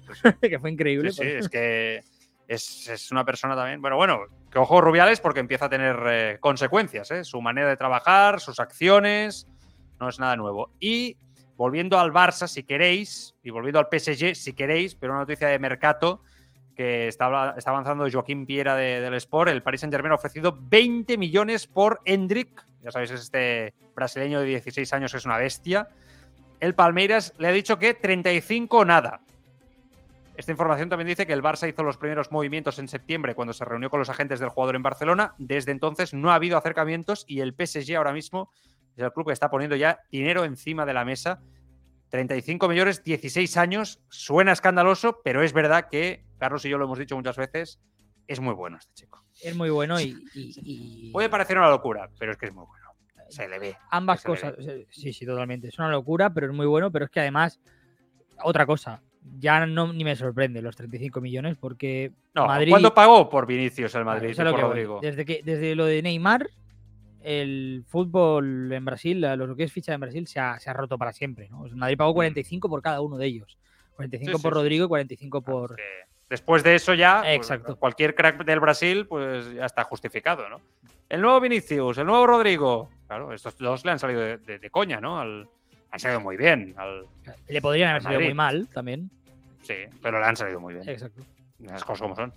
Por eso, son lo muy que- buenos jugadores. cuando lo que antes te costaba un crack del de Brasil ficharlo por 25 millones, ahora te cuesta Mm. 45. Y por eso digo que dentro de lo que cabe, 35 millones por Hendrik, a pesar de que es mucho, ya está en, esto, en estos precios de mercado. Ya estos clubes ya, y encima ahora que están entrando el City, cada vez tiene más ojeadores en Brasil y en Mm. Sudamérica, eh, aún va a acabar especulándose más y más y más. Va a acabar, ese mercado ya está roto, ya esos, esos años de fichajes por 15, 20 millones que venían, ya se ha acabado para siempre. Ya los clubes están preparando, están listos y, y están esperando a los europeos con este nuevos cantidades. Dice Ancelotti que el que no quiera lesionarse que se quede en el sofá. ¿Lo has escuchado antes? Sí. La rueda de prensa. Está, está un fire Ancelotti. ¿eh? Me, cae muy, me cae muy bien. Está feliz, además, a Madrid le sale todo bien ahora mismo, realmente. Sí. Que- Bueno. Y Asensio reivindicándose, ¿no? Un poco, ¿o qué? Parece ahí. es que Asensio ya- Bueno, no tiene. No Cambiando tiene, su, su situación, ¿no? No sé. Pero o no es que no sé. pero da- si es que no tiene hueco. no juega Madrid, mal. Pero no tiene hueco Ya. en Madrid. Es, Vale, es- vale. es evidente que no tiene hueco en Y el los del Madrid. Madrid sabéis, yo, yo aquí no, no me meto en estos berenjenas. Yo soy un jugador que traería, ¿eh? Libre. Tú ya sabes que yo nunca he tenido especial predilección futbolística por No, no. Asensio. Pero a mí me ahora- parece un chollo de mercado. Ahora ya que el Madrid tiene Rodrigo, Vinicius, ya no lo necesita realmente a a Asensio. No sé. Yo creo que va a venir al Barça. Cada día lo tengo. Joder. Si viene Messi, no, ¿no? Porque quizá ahí por ahí. Hombre, pues entre Pero Messi y Asensio, yo lo siento mucho. Ya sé que da Hombre, morbo ya, fichar a claro. jugadores del Madrid, pero Hombre, claro. lo tendría claro, ¿eh? Lògicament. Bueno, va, voy a hablar de la NBA, que tinc, tinc per aquí a l'Albert Molinari i ja, ja ens escolta i ens veu. Eh, bueno, de momento está. lo veo. Ahora sí. Eh, está ahí colgando la cámara, Albert. Eh, porque ya ya sabéis que de vez en cuando nos gusta hablar de la, de la NBA aquí mucho y ens agrada molt parlar de la NBA. Amb l'Albert i el Pau Martorell. El que passa, el Pau, ¿no? Carlos iba justo de tiempo, ¿no? Eh, Y sí, no... me ha dicho que igual no, no le daba tiempo a entrar. De momento no da señales Bueno, de tú vida. dile que si se conecta, también hablamos con Pau, que son nuestro tándem, nuestro Pinela de la NBA, Albert Molinari i Pau Martorell. Albert, què tal? Bones, com estàs? Hola, molt bé, bona tarda. Bueno, ha, ha començat ja eh, això, ha començat amb força aquesta setmana, la lliga regular de, de la NBA, i, i ens agrada parlar amb vosaltres per anar repassant una miqueta la- l'inici. Eh, a veure, a, a l'inici hi, ha- hi ha un nom amb el qual és fàcil rajar, perquè, perquè han començat de, de manera desastrosa, amb tres derrotes i, a més, amb una imatge lamentable. T'he de dir que en molts moments, vaig veure ahir el partit davant dels Blazers dels Lakers, estic parlant, evidentment, eh, sense fer un mal joc, eh? Vull dir, di- dius, ostres, pues encara estan apanyadets. Però clar, amb molts problemes per, per encaixar a Westbrook, que, que jo no sé si li estan fent el llit o a què estan jugant amb Westbrook, passen coses molt rares amb ell, i després amb una imatge en el tir de 3 que no li trobo més explicació de la que, no sé, pues que portin tot l'estiu sense llançar a Cistella, Albert, perquè, de veritat, no ho entenc. O sigui, no entenc que l'Ebron falli el que està fallant, o fins i tot l'Anthony Davis, que sense ser un especialista de 3, quan estava sol en una cantonada, aquest tiret te'l clavava. Un airball, hòstia, o dos, crec que em va fer ahir, no sé, flipant bastant, eh? Albert, no sé, si els Lakers estan a punt d'enfonsar-se del tot o això només acaba de començar. Bueno, acaba de començar i, evidentment, ha començat eh, molt malament. La imatge que donen els Lakers és eh, dolenta. El partit contra els Blazers, és veritat que els Blazers porten tres victòries, cap derrota, i els Lakers porten sí. cap victòria, tres derrotes, però tot i així és enganyós. És dir, el partit dels Lakers el tenien bé, el tenien encarrilat per guanyar i prenen un parell de tres decisions nefastes eh, al capdavant Westbrook i, evidentment, tu no pots tenir un equip on els últims dos o tres minuts jugui Westbrook com a base. Clar. Tu no pots acabar dos partits firmant 4 a 15 i 4 a 18. Això és insufrible. És a dir, primer, per què llences tant? Primera pregunta. Clar. Segona pregunta, per què carai ets incapaç de notar? I com que no te la sap respondre ningú perquè ell diu que és un MVP i va fer dues temporades de triple-doble i, bueno, d'això vivirem tota la vida, doncs els Lakers tenen un gran problema. El trist problema és que juguen malament en general molts jugadors. Suposo que perquè els han trobat un sistema nou, Dervin Ham és un entrenador novell, eh, s'han d'anar adaptant, però sí que és la sensació, i amb això estic d'acord amb tu, de que mm. sembla que no hagin entrenat. Anthony Davis va dir que feia cinc sí? mesos que no llançava cistella. És que és frustrant. O sigui, al·lucino. És a dir, representa que han de ser el mirall per molts nanos joves, per molts jugadors, sí. eh, ah. cotitzats per les marques, i que algú et digui que està lesionat, que es dedica al bàsquet i que porta cinc mesos sense tirar cistella, el menys que pots fer és enviar-lo a casa. No pots enviar a casa perquè és Anthony Davis, però és que l'enviaries a casa. Quan veus el Westbrook, que l'any passat va jugar malament, que tothom el critica pel tir, que el que hauria de fer sessions maratonianes de tir, eh, hauria de ser més intel·ligent. L'última jugada contra Portland, un tir faltant 30 segons a taulell des de 5 metres. Russell Westbrook, en sèrio? Llavors, què passa? Que fallen, l'Ebron posa la cara que posa de o oh, no, una altra vegada no, i això va per llarg. O sigui, els Lakers van per llarg, van per llarg amb manament. Estan publicant ara a Los Angeles, Albert, que li donen a Westbrook 25 partits. Que si en 25 partits la cosa no tira, que l'intentaran traspassar bueno, clar, és, és, és més o menys el càlcul que fan. Eh, acabar la temporada primers de febrer, tot sobre el mercat, més o menys, entre alguna lesió, algun back-to-back. No, no, clar, 25, no li donen 10, no, li donen 25. 25, igual els Lakers firmen 10-15, eh? amb aquests 25 partits. Ah, Compte. Sí, sí, és que aquest és el problema. És que, vamos... I després hi ha aquest run-run de que posats a que la cosa surti horrible, pues, buen Bayama, i que se'n vagi a Los. Angeles i intentar... Sí, sí. Perquè aquest run-run està allà, jo l'escolto des de fa dies ja. No? que és la gran perla de, del, del draft, no? de, de l'any vinent. El run-run, clar, és que aquest Bayama eh, també hi ha el run-run a San Antonio, que precisament és ah. un dels equips on te diu que absorbiria el, el, el cancerigen eh, contracte de Russell Westbrook, que això sí que ja no entens res. És a dir, si els Spurs no juguem a res, dic no juguem perquè són el meu equip, no juguem a res, i la idea és anar el més alt possible al draft, què carai fem absorbint el contracte de Russell Westbrook? Si no té, és que no té ni cap ni peus. Que hi ha una ronda, una ronda amagada, un, un pic que ens pugui interessar ah, d'aquí no. dos anys. No hi ha allí... cap equip, cap equip que sense un pic eh, que pugui ser potencialment 1 o 2 al proper draft tingui sentit que et tireixi a Westbrook. Estem d'acord amb això? Sant Antonio, Sant Antonio té jugadors que de moment anem 2-1, o sigui, a sobre anem quarts, sí. o sigui, a sobre quan hem de fer malament ho estem fent bé, però bé, jo els he vist jugar i Sant Antoni de moment està jugant com voldria Popovic, és a dir, sortir a guanyar. Sí. El que passa és que som conscients que la plantilla és curta, per tant, ara guanyarem potser 4 o 5 partits i després en perdrem 15 de cop. No perquè fem expressament, sinó perquè és curteta. Ah, no, Què vols dona fer-hi? Pel que dona. Dona pel que Ara, clar, tothom Deixa'm apunta que per això... Que... Digue'm. Deixa'm preguntar-te per Utah Jazz perquè a priori era, eh, ara mateix a la conferència ho és, 3-0 Utah, 3-0... 3-0, sí. Sí. Però clar, el cas de Utah, que tots, tots ja preveiem reconstrucció absoluta, no? Eh, traspassar mm. Gobert, eh, Mitchell, no? Eh, l'equip està en reconstrucció.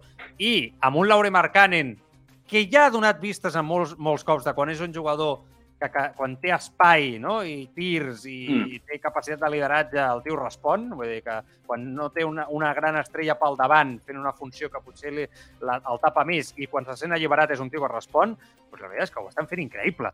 Jo no sé si això és molt creïble o no, però l'inici està allà, això és evident.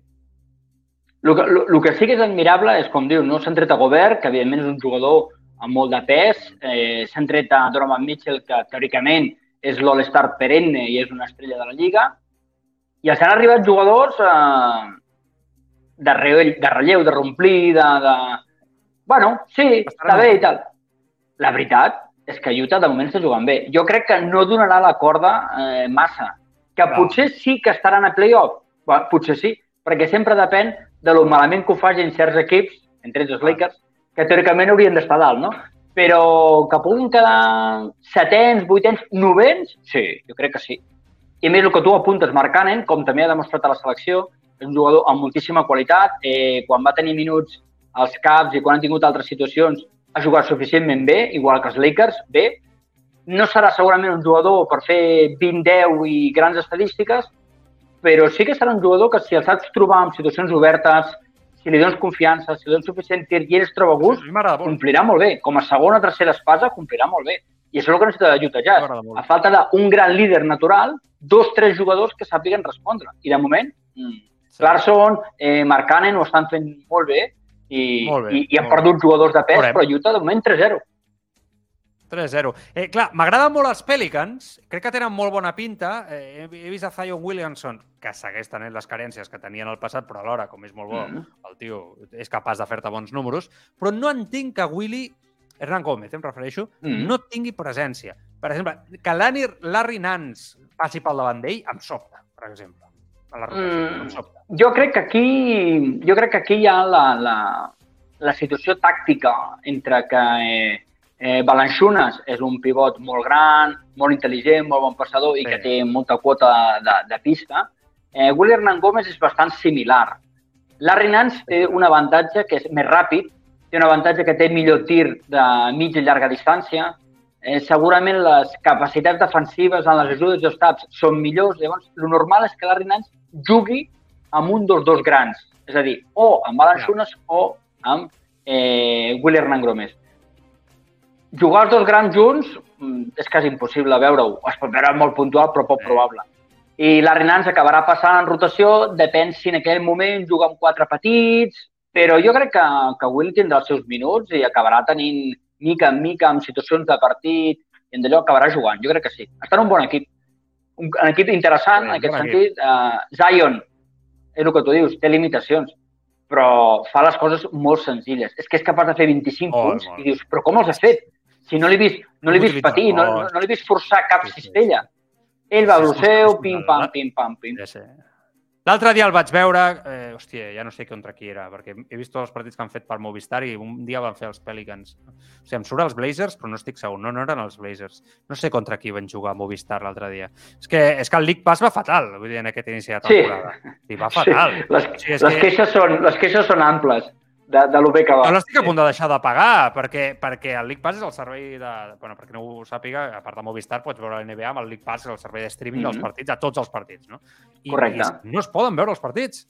O sigui, jo crec que la NBA té un greu problema a nivell internacional amb aquest sistema per, perquè funcionava mm. molt bé, han canviat la web, han canviat l'app i tal, i és horrible. O sigui, no sé, què pensen fer? No? És que, no sé.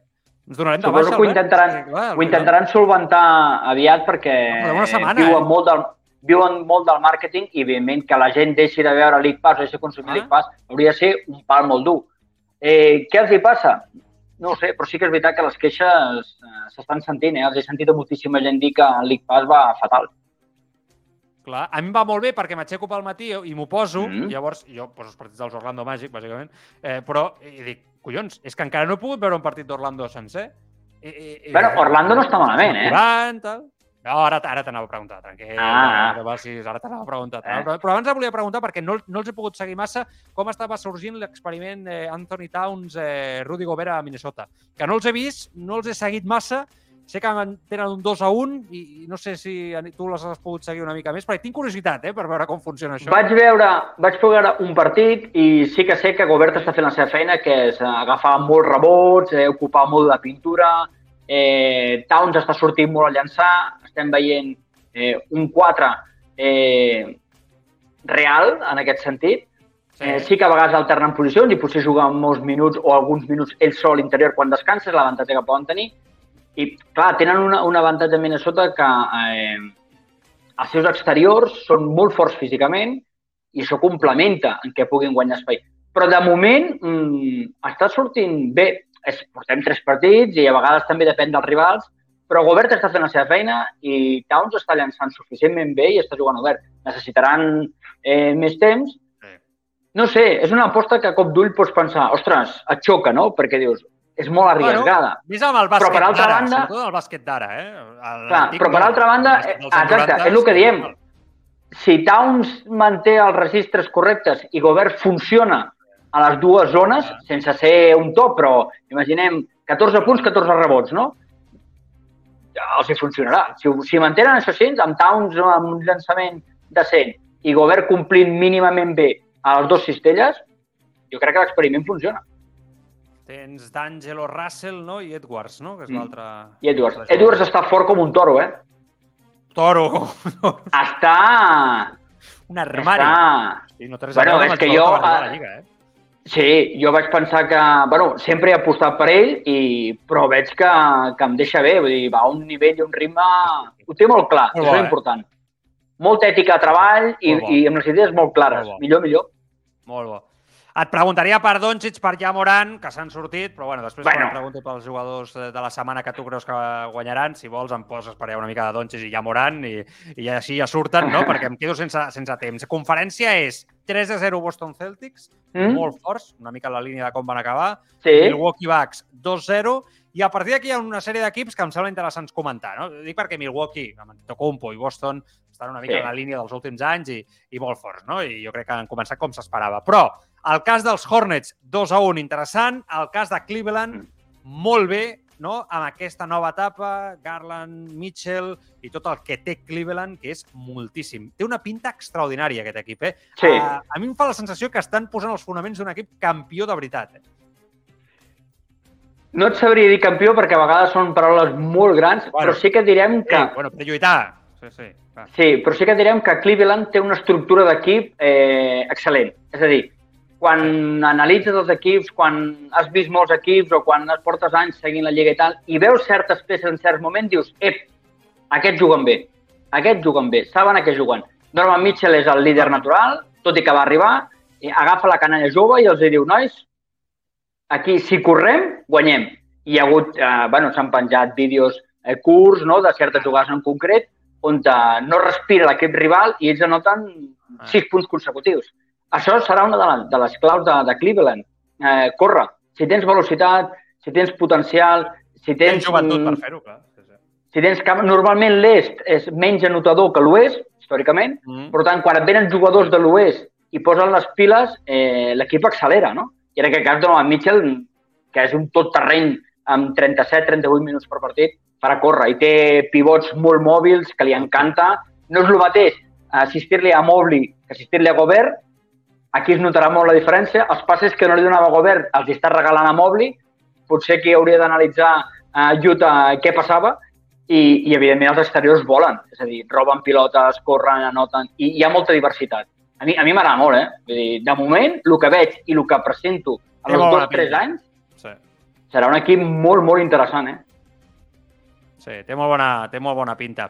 De la resta, eh, bueno, eh, veritat que fins fa poc Atlanta estava invicta, ha perdut ja el seu primer partit. Eh, està tot bastant igualat. Així destacar... La... bueno, ja ara acabarem amb els Sixers, però... Eh, ah, exacte. Bueno, sí, anem amb els Sixers. Estan en una crisi increïble. Uf. 0-3 eh, per començar. No tenen equip per estar així. No tenen equip no, per estar així. No. Doc Rivers se'l veu cansat, sincerament. El veig desmotivat. Sí. I hi ha una pressió enorme a Filadèlfia, que és algo històric, però té mala pinta. El projecte té mala pinta. El projecte no funcionarà. És a dir, eh, ja es veu. No, ja, eh, San, An San Antonio, que és un equip que no aspira ni a entrar a playoff, eh, els va guanyar. Els va guanyar i es va guanyar bé. És a dir, els va guanyar bé, van baixar, van remuntar a Filadèlfia, va tornar a anar per davant Sant Antonio, els va treure 10, 12, 15 punts, van afluixar una mica, però va guanyar bé. Sí, estem parlant dels experts. Sí, sí, sí. I, i, I més crític que jo no crec que n'hi hagi gaire. No, no. Embiid ho fa tot i ho fa molt bé, decideix els tirs, està jugant bé, Joe Embiid, però Harden, bé. Sí, sí.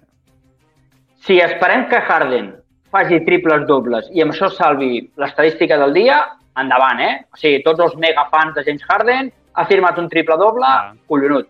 A mi un tio que perd sis pilotes i firma 4 de 18 en tirs de camp, un partit, i no 3 de 14 en un altre, mm, el mateix que et dit de Westbrook. Nois, és que s'assembla molt, és que, és que, clar, s'assembla molt a Russell. Tot i que Embiid sort, no està bé tampoc, eh, Albert. No, em, Embiid està bé, el que passa que, clar, el, al final comets errors, clar. alguna mala jugada, alguna decisió. Sí. Tenen a Maxey, que està a un nivell molt alt i l'haurien d'aprofitar millor, mm. però és el sistema de rotacions. Uh, jo crec que Doc Rivers potser, i no porta tants anys, eh, però potser ja ha cremat l'etapa no. Sixers i és d'aquests entrenadors, Tres. posarem un símil, no? com el oh, Conte del futbol que quan porta 3-4 anys ha de canviar d'equip perquè se li emboiren les idees i més no pot ser. Crema. I aquí... Dos, dos, anys porta. Aquest és el segon, em sembla, de Sixers, eh, si no m'equivoco. Sí, sí. I això no, no, això no... Jo ho veig malament. Veig malament que els Sixers eh, remuntin i tirin amunt perquè hi ha un problema de... No sé com dir-ho. Hi ha alguna cosa de base. Eh, no, no funcionen. Harden és un base que no és un base, Maxey ha de resoldre la papeleta, Milton Maxey. juga menys que l'any passat, eh, mm no ho sé, hi ha algú que, no, hi ha algú que falla. Hi ha algú que falla. No sé com acabaran i no sé si Doc Rivers ho remuntarà, però... Una crisi. És una Malament. crisi majúscula, la, sí. el que té Filadèlfia. I acabem parlant del tema Orlando. Ja sé que la gent, el tema Orlando és un equip menor a nivell de seguidors, segurament bueno. no massa, però el presentador del programa és d'Orlando Magic, de la vida. Llavors, eh, estem molt contents amb Paulo Banquero, molt contents. Veus? Eh, és un inici impressionant, Albert, impressionant. Veus? Tot el que he vist. Ja t'ho vaig dir que estaries content molt content, de veritat. Sobretot veient també les altres dues opcions a ser número 1, que una Rockets no acaba de començar i l'altre està lesionat, que és Holdren, no? Sí. El Thunder. Bueno. Llavors dius, bueno, crec que hem escollit bé, no? El jugador que estava més fet, sí. però jo no recordo un rookie, un número 1 del draft, amb aquesta transcendència inicial en els primers tres partits. Em costa molt, vull dir, de veritat, els bueno, en... de l'Ebron James no compararem, però és que té una transcendència en el joc des del primer dia brutal, eh? Bueno, no es pot comparar, però sí que Orlando precisament va tenir un jove de Louisiana, eh, Shaquille O'Neal, on evidentment no el comparo, eh? però sí que eh, la transcendència, la responsabilitat, era molt jove, era un equip on hi havia certs veterans, on te deies des del minut 1, ui, aquest nano, cuidado, eh? Total. Evidentment, el físic imposava i, i, i Shaquille era Shaquille. Però Paolo Banchero, l'italià, té les idees molt clares. Ja et vaig dir que si Orlando havia canviat el pic mental és perquè havia vist sí, alguna cosa que els altres no tenien. Exacte. I t'ho vaig dir. Detall, no? Si han canviat el pic és perquè han vist Banchero. Ideal per ja. I els altres els generen dubtes per molt que els mock drafts apuntin. I aquesta decisió encertada d'Orlando, de moment, esteu disfrutant eh, d'ell i està jugant amb una eh, solvència, eh, amb una serietat no hem guanyat, però cap partit, però està jugant molt bueno. bé. Hem jugat molt bé, vull dir, perquè hem perdut per dos punts, per cinc, vull dir que sí, sí, bé. sí. I, i, I també heu recuperat jugadors que havien estat lesionats molt de temps i això comporta eh, comporta temps i comporta mastegar. Orlando no se l'exigirà res fins d'aquí segurament dues temporades que planti cara. Totalment. Aquesta per créixer i, i la següent per mirar aspiracions, a veure com va. Per tant, però bueno, Mm, hi ha altres equips que perdran els mateixos punts o els mateixos partits que Orlando i disfrutaran la meitat de la meitat de la meitat.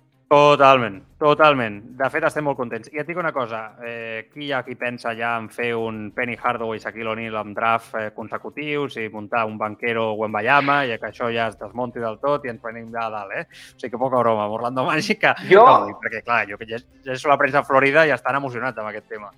Jo només diré una cosa, eh, o, o, o un apunt. Eh, tothom apunta com el número del draft Wembayama i, i encertament. Eh? Parles de Scott Henderson. És, és eh, correctíssim. Però s'ha d'anar en compte. És a dir, igual que ell, el jugador, eh, eh, s'ha cobert les esquenes jugant només la Lliga Francesa omitint eh, ofertes d'Eurolliga sí, sí. per inflar els seus números, que demostra vista de futur, no? Ah.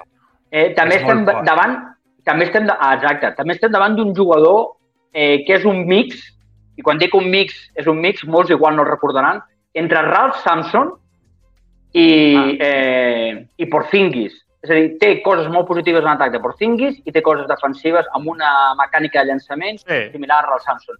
I hem de pensar que és un nano que fa 2'20, eh? Poca broma. Igual que feia Ralph Samson i fa Porzingis, 2'20, 2'22. Per no tant, ah, eh, cuidado. Ara, com tu apuntes, Scott Henderson, mmm, que li caurà tota la pressió, perquè tothom mira el francès, pot ser molt llest i pot ser molt intel·ligent jugar de tapat. És a dir, que les franquícies, tothom busqui el francès, tothom il·lumini el francès i ell, saps? Pim, pim, pim, pim, pim, pim, i passi com Banchero, que al final diuen, ostres, no l'han escollit, o sigui que l'han escollit, ho han canviat a l'últim moment, i acabin triant el, el, el fiable, l'estat i tal. Ah, perquè, jo et dic una cosa, a Orlando li és igual. O sigui, Orlando, que necessita un bàsic, perquè Cole Anthony per mi sí. no arriba a aquest nivell que necessita. Mm, no. I, i tenim un que s'il·lusiona molt, molt i que era molt bo, però va estar a la sí, sí. 3, que és una pena, però és el que hi ha. Llavors, jo crec que Henderson li aniria molt bé. Ara, Miami, clar, és l'hòstia. Però bueno, no tinc més temps, Albert, però vull preguntar, per tu quins seran els jugadors de la setmana a la conferència oest i a la conferència est? Bona pregunta. Ostres, ara m'agafes una mica descol·locat. Jo crec que a l'est potser Tatum i a l'oest segurament Morant. Moran i Tatum, eh? No, Doncic no, eh? Mm, jo aposto per Moran. Sí, sí. No, no, Doncic ho ha fet bé, eh? Ho, ho ha fet prou bé, eh? Sí, sí, no, no, si no, no, no tinc... No, és, és una bestiesa, el de ja Moran. És, bueno, és, és el show, és l'espectacle, és el showtime, no?, que es diu a l'NBA. Fet, fet persona. És, és una passada. M'encanta, ja Moran. M'encanta com juga. És una bèstia, és una bèstia. Bueno, Albert, eh, cuida't, anirem parlant, a veure si pot estar el proper dia al Pau Martorell, eh? I res, molt bé. anem seguint, com sempre. Eh? Una abraçada ben Perfecte. forta, molt crac. Igualment, una abraçada. Adéu-siau. L'Albert Molinari, que com sempre s'ha passat per parlar una estoneta de l'NBA, eh? ja, hem fet, ja hem matat el coquet eh? per parlar de, de l'NBA i amb això anirem plegant. Eh, Carlos, mañana más, ¿no? Volvemos. Mañana sí, Twitch. Ma mañana Twitch a las 5 y media. media sí. eh, solo decir que, según están informando sí. varios medios, Emery ha aceptado finalmente eh, la oferta de Aston Villa. Ostras, pues vaya marrón ahora para el 7 millones claro, limpios eh, por temporada. Ah, Aston Villa, tío. Aston Villa también, ¿no? La Superliga ya existe, lo he dicho muchas veces. pero, pero. Aston Villa un proyecto también de locos, ¿eh? Sí, sí. O sea, sí, sí. Tampoco, sin ni, ni, pies ni cabeza. Claro, sustituye a Steven Gerrard. ¿no? Gerrard sí, sí. Ha, salido, ha salido ese. Y a ver ahora quién ficha el Villarreal. Es que es un problema, ¿eh? Es un... Buah. Marcelino está libre, ¿no? Ay, mirarte, yo ya Ahora me pierdo ya. Es que hay un tal baile de entrenadores que llega a un punto que te acabas perdiendo. Vale, sí, o sea, sí. de verdad. Sí, sí, yo creo que sí está libre. Lo digo porque el Atlético y tal. Sí, sí, ahora está sin equipo. Por eso, por eso. Sí. Podría ser una opción que le podría encajar bien al Villarreal, pero bueno, ya veremos. Vale, volvemos mañana. Cuidaros mucho. Adiós.